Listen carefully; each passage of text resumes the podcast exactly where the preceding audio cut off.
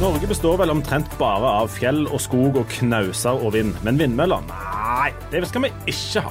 Og i Stavanger der har en utelivskonge nå solgt livsverket sitt til et dansk storkonsern. Hvem bør egentlig styre uteliv i norske byer? Velkommen til Aftenbladet, som altså er en podkast fra Aftenbladet, som du jo selvsagt bør høre utrolig mye på. Leif Tore Linde, nå er det jo påske, og nå, det høres ut som vi sitter her i mediehuset Stavanger Aftenblad, men det gjør vi jo egentlig ikke. Hvor er du når det er påske?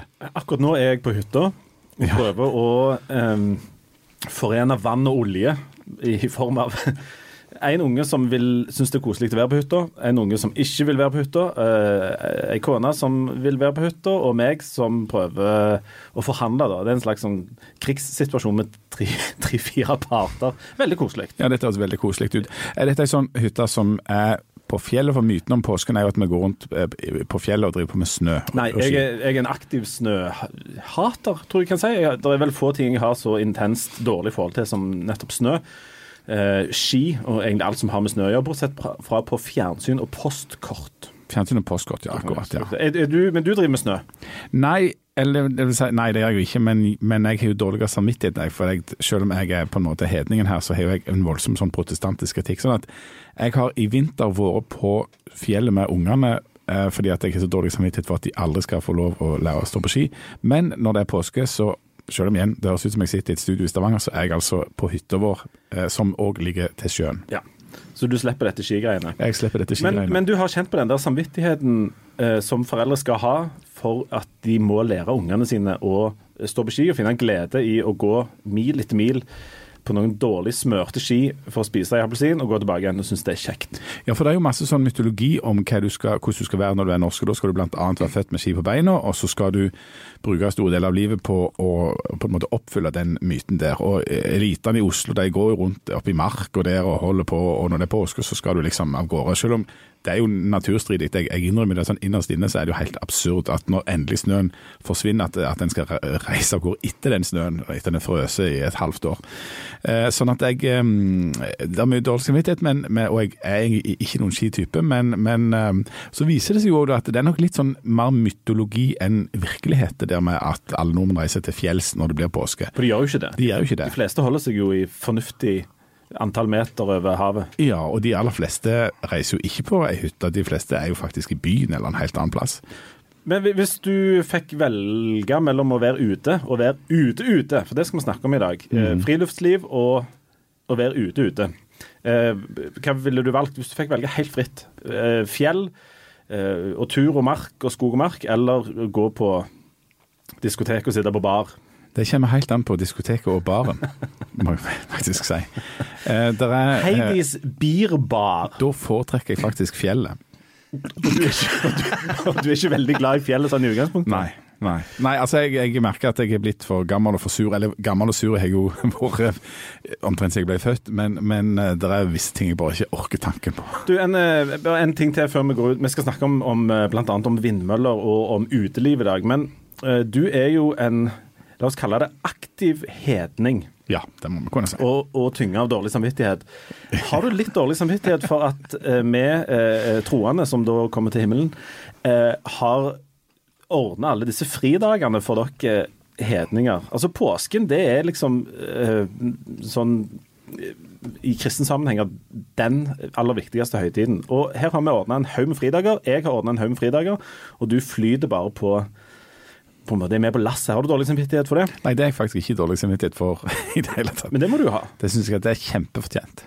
Og hvis vi ikke, altså hvis dere, dere kristenfolk ikke hadde kommet og hogd over folk hvis de ikke ble kristne, og så innført en dress med fridager, så tror jeg at, at de som, hvis de hadde fått beholde hovene sine, så hadde de klart å komme på et eller annet sjøl. Vi hadde jo ikke hatt fritt hvis det ikke var for det.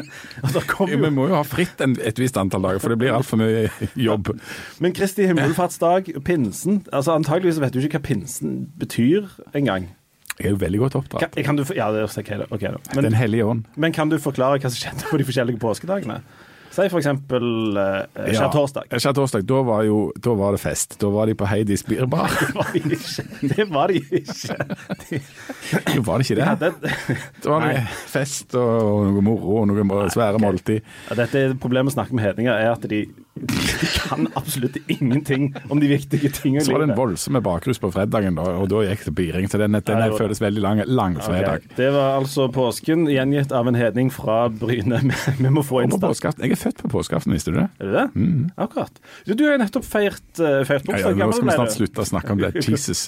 Får vi snakke om det i en måned nå. Du ble jo altså Du har jo Åh. Du ble jo, la oss si det sånn, 17 år eldre enn Jesus. Ja. Sånn at uh, de, de som kan bibelhistorien og kan regne, kan da finne ut hvor gammel du er. Oh, Dessuten så har du mm, hovedfag i sammenlignende Det har jeg absolutt, ja. Ja. OK, vi går over til, noe langt eh, viktigere. Um, Skal du spille musikk nå, eller skal du vente med det? nei, vi, vi venter litt med den ja. musikken. Vi, vi tar, nei, skal vi ta musikken? Ja, Ja, vi, kjører litt musikk. musikken. Eh, hør, dere skal høre nå eh, et flott stykke musikk som er, blir mer og mer aktuelt i flere plasser i Norge, bl.a. i Stavanger. Det blir Eh, morsomt om det faktisk kommer musikk. Ja, nå er Ah, vi ja da. Hør nå. En mann som danser bra.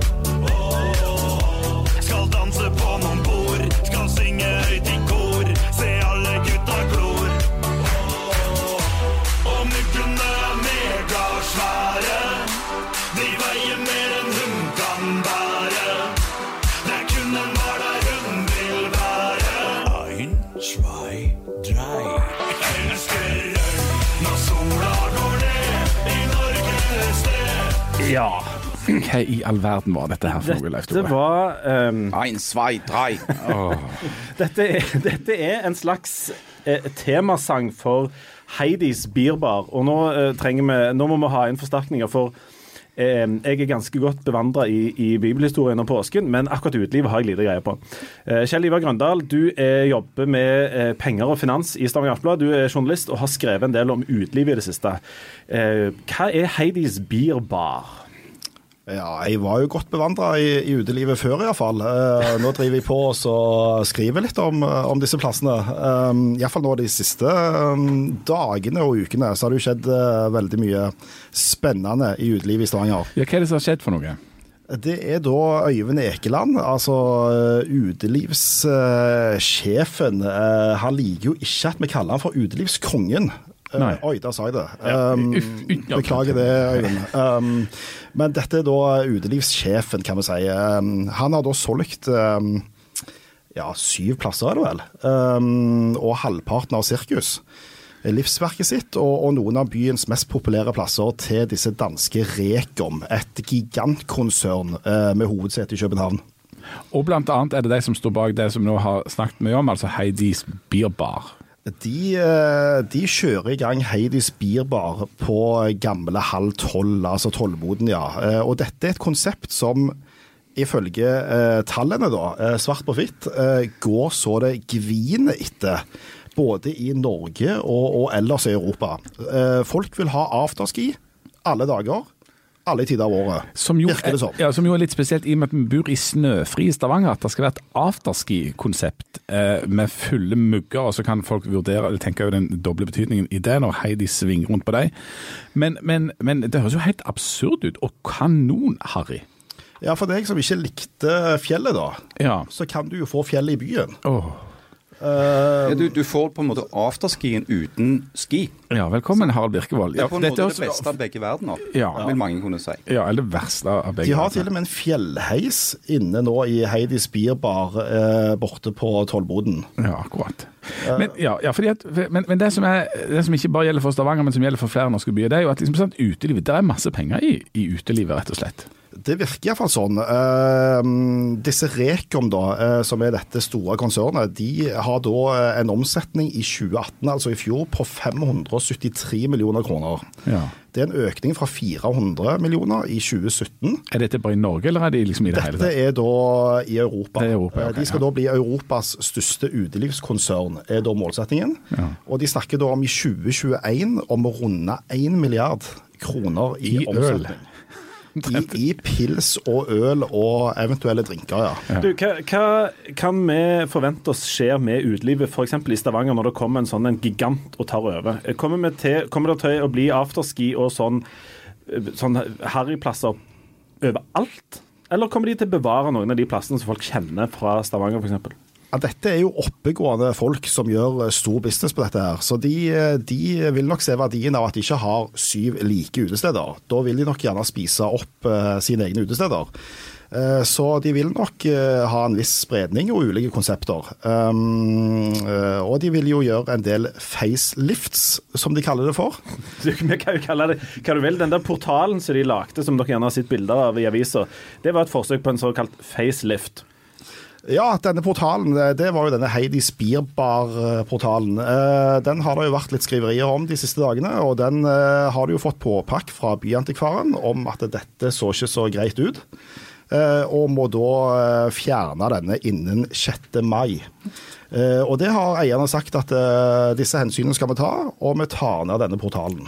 For det, det som nå skjer i utelivet, er jo noe som har skjedd i økonomien, hvis du ser litt stort på det, nærmest globalt, at en går ifra å ha lokalt eierskap og lokale utvikling av næringsliv, som så blir kjøpt opp av interesser som enten er på en måte nasjonale eller internasjonale. Det samme har skjedd for så vidt i avisbransjen. Vi, vi jobber nå i avis som tidligere var liksom, eid lokalt, men nå er vi ikke det lenger. Nå er vi Schibsted eid av amerikanske børsfond. Hva og Øyvind Ekeland han har, han har eh, bygd opp masse av disse plassene, basert sannsynligvis på en lokalkunnskap og på liksom, hvordan det er i Stavanger. Så kommer disse internasjonale inn. Kan vi forvente at det, er, at det blir noen forskjell på utelivet da, på hvem som bestemmer og hvordan dette blir, når det lokale eierskapet og den lokale kontrollen forsvinner? Harald Birkevold sitter rett oppå nå, vær så Ja, god. altså, fordi at jeg tenker, ja, ok, nå kommer Rekord inn, og de er store. Eh, og og det, eh, det selskapet som Øyvind Ekeland har bygd opp, er betydelig. Eh, men må ikke glemme at det fortsatt er ganske sterkt lokalt eierskap òg. Altså, du har en, en annen stor aktør som har vært der lenge, og som sikkert kommer til å være der lenge. Det er jo herlige Stavanger. Altså Arne Joachimsen sitt eh, liksom, konglomerat av selskaper. I tillegg så har du Checkpoint Charlie-grupperingen. Eh, og du har òg en del eh, selvstendige, lokalt eide, enkeltstående bedrifter. Så da, bildet er jo ikke helt sånn svart-hvitt her. Det er OK, nå kommer det et stort konsern inn, eh, men det er mange lokale òg. Men det betyr at de mange lokale kan òg kjøpes opp? Altså Er det flere som vil bli kjøpt opp framover? Er det bare Ble det med dette, liksom? Det er sikkert Kjell Ivar nærmere til å svare på enn meg, men jeg, jeg tipper jo at en, et konsern som f.eks. Herlige Stavanger har fått kontakter fra folk opp gjennom året, og jeg tviler på at det vil slutte nå. Eh, Det er helt åpenbart at eh, folk er ute etter et så stort selskap som, som Herlige Stavanger òg. Jeg tror, du vil få en, eh, jeg tror det blir vanskeligere og vanskeligere å drive for seg sjøl. Har du noe som går relativt godt, så tror jeg faren, eller eh, verdien, alt etter som du ser det, er å bli kjøpt opp. Du vil gjerne få et eh, to, tre, fire store grupperinger etter hvert i Stavanger som, eh, som vil eh, ha kontroll. Og så vil det bli færre og færre av disse selvstendige, kanskje, som, eh, som prøver å, å drive litt eh, med hjerte og, og med sjel, eh, holdt jeg på å si, der, der det akkurat går rundt. Men hvorfor hvorfor er det vanskeligere å drive for seg sjøl enn å drive et konsern? Det, det er Innkjøpsavtaler, f.eks. Innkjøpsavtaler, ja. Nå er jo Rekom gjennom alt de har. De har jo over 90 eh, barer og puber i, i Europa, og, og med hovedtyngde da i Finland, eh, Norge og Danmark. Eh, Og det gjør jo at de er da Carlsberg eh, sin viktigste kunde.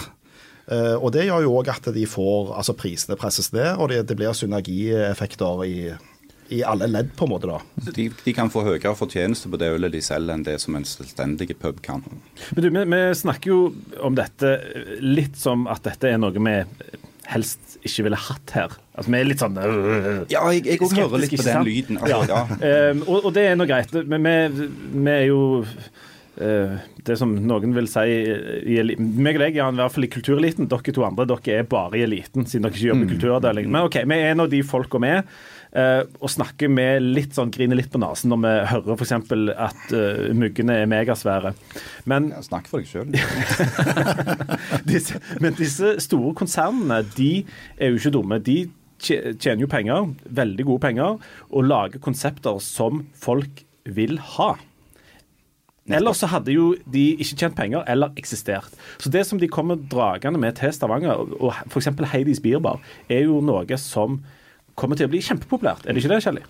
Jo, det tror jeg. Eh, For når du ser eh, Heidis Bierbar, de er jo i syv andre norske byer. Eh, Og hvis du ser på tallene der, så de etablerte jo i Oslo i 2015, eh, rett med Rådhusplassen. Det var en dundrende suksess fra dag én, og allerede i det første året så, så gikk de fem millioner i overskudd. Første året. Det er det svært få bedrifter som klarer, uansett eh, i hva næring du er. Eh, så, så tallene viser at eh, Og her har det bare vært en økning i Oslo. Eh, større og større overskudd for hvert år. Og det er egentlig gjengs i alle de norske byene. Altså Tromsø, eh, Bergen, Kristiansand. Og, og de første helgene i Stavanger og ukene sier de òg har vært over all forventning. Så, så Heidi Spiber, vi kan si mye om det, men, men tallene viser iallfall at dette er et konsept som folk vil ha. Og som, eh, som eh, går så bare det, altså. Ja, for det, Dette går jo rett inn i den stavangerske folkesjela. ikke sant? Med gladmaten og fjåg i vågen og ikke sant? folkefest og greier og greier. og det, Dette er jo som passer som hånd i hanske, det. eh, Inn i den der Nå skal Afterski. vi ut og ha det kjekt. Ja, så, så kaller de det afterski, for det er jo et konsept som folk kjenner. Du har vært i bakken hele dagen, og så går du i en eller annen bar i Alpene, og så drikker du det grøftefodlet. Det er liksom, det er jo, det er jo nærmest oppskriften på en vellykka kveld i, i den norske på en måte folkelige tradisjonen. Forskjellen her er at her kan du gå på i stedet, Vanligvis går du i bakken, og så går du på bar etterpå. Her kan du gå på bar og antageligvis rett i bakken til slutt. Og havne Det er på bar bakke, det er på en måte. Ja, det Ja. er bare snudd litt grann på Bare her. snudd litt grann på det. Det er ikke noen grunn til panikk. Er det, er, kommer dere til å, å eh, ikle dere Dere har selvfølgelig lederhosen dere, sånn som alle andre. Og, eller en eller annen form for nikkers og litt sånn freskt utstyr, og gå og besøke dette, den plassen. Eh, Harald Birkevold, du har jo hatt ei og annen økt i det stavangerske utelivet. Ja da, ja da. Trekker det litt, dette her? Ja, Altså det, det som, som først og fremst hindrer meg i å oppsøke Heidis Bierbar eh, altså, Er- du altså, nekta? risiko, Nei, ikke ennå, men det er risikoen for å treffe egne barn. eh, det er mye det som forhindrer meg fra å gå ut nå om dagene. Ja. Bjørn Kjelli, du, har, du er jo ikke helt, heller helt framand med å gå ut og svinge seidelen. Um, Heidi? Nei, eh, noen vil si det, ja. Nei.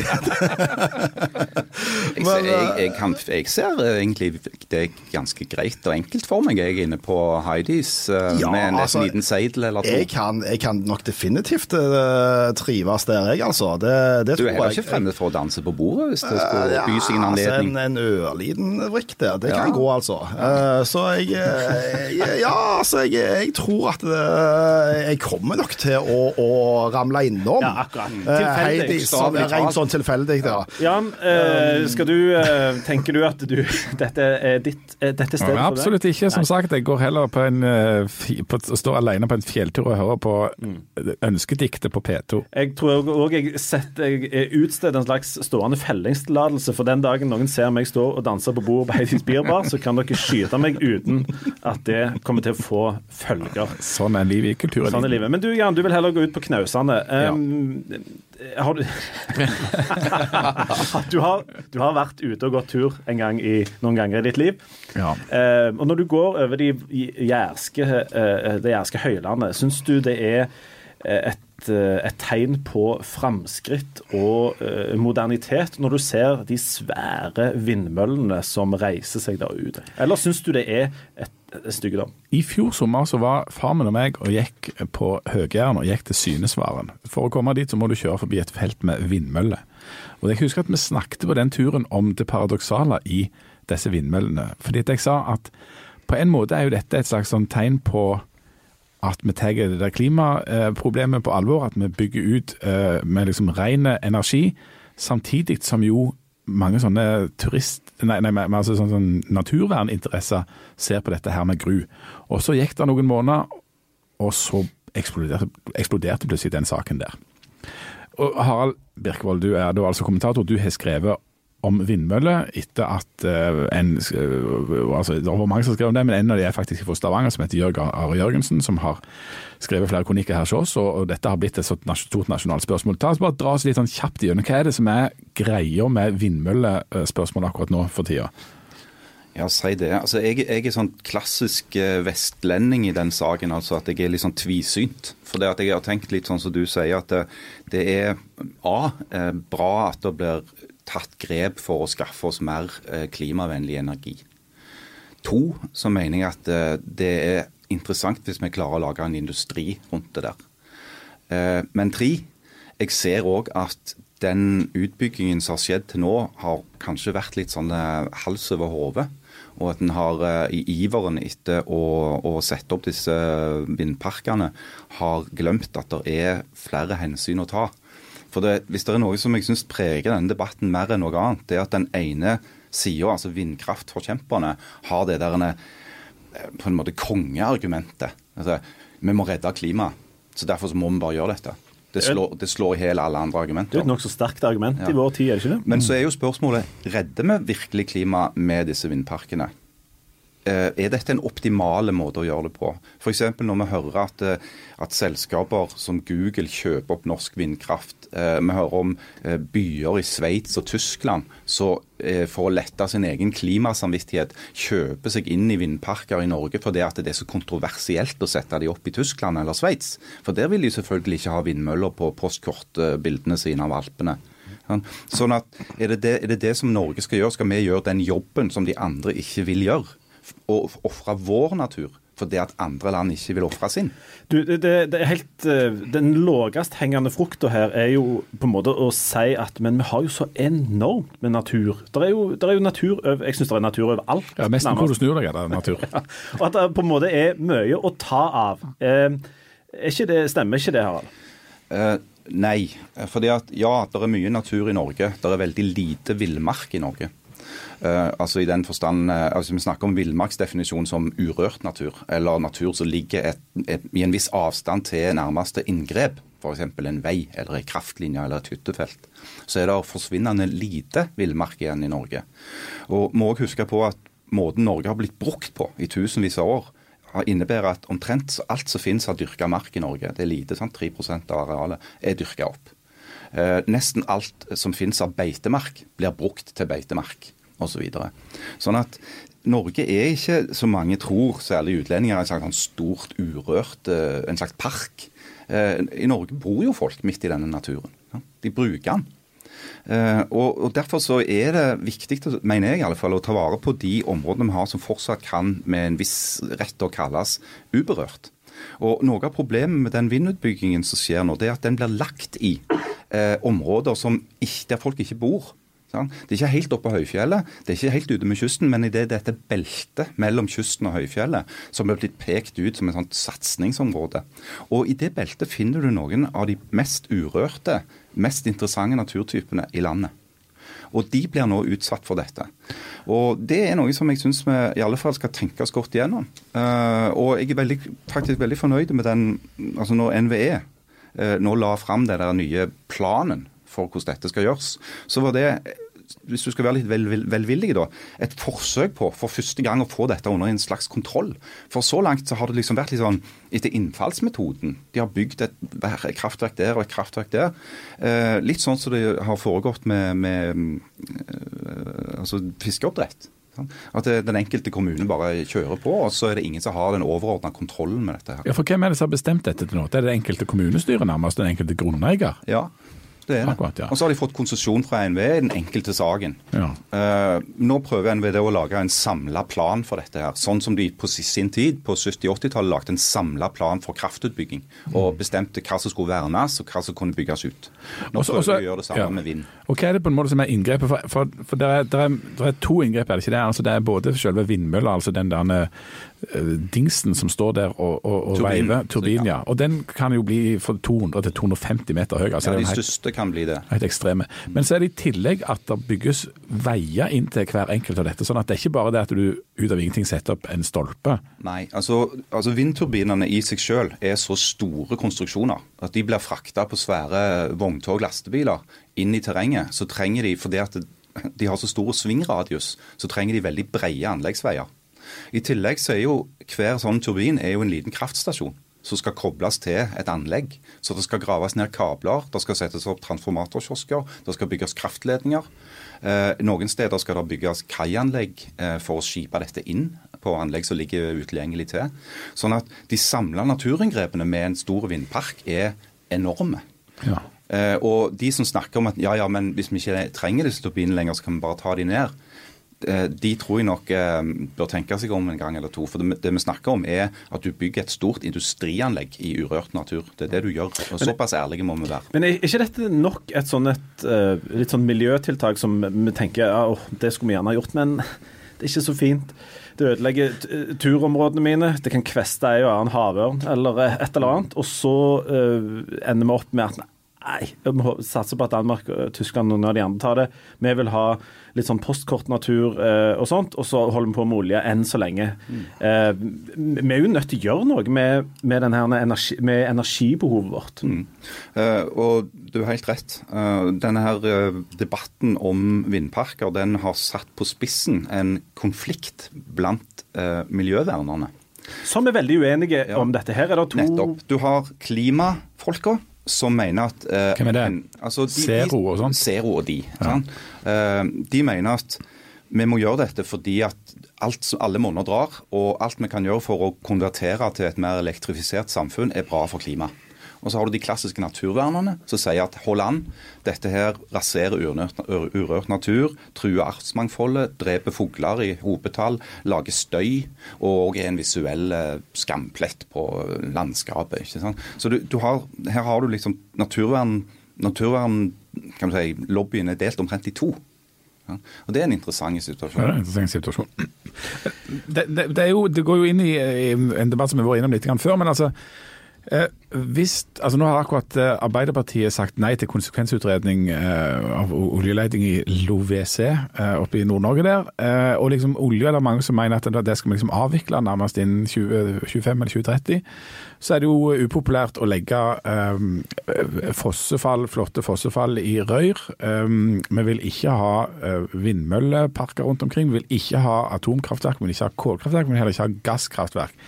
Men så trenger vi jo et eller annet å lade disse elbilene våre med, da. Hvordan i himmelens navn skal vi skaffe energi til det vi trenger framover, hvis vi ikke skal bruke verken fossile eller rene Nei, det, det er nokså lett å tenke seg at det regnestykket der ikke går opp. Uh, og hvis du, ser, hvis du hever blikket litt og ser utover Norges grenser, så viser jo alle prognoser at energibehovet i verden kommer til å øke, uh, og til dels kraftig, uh, i overskuelig framtid.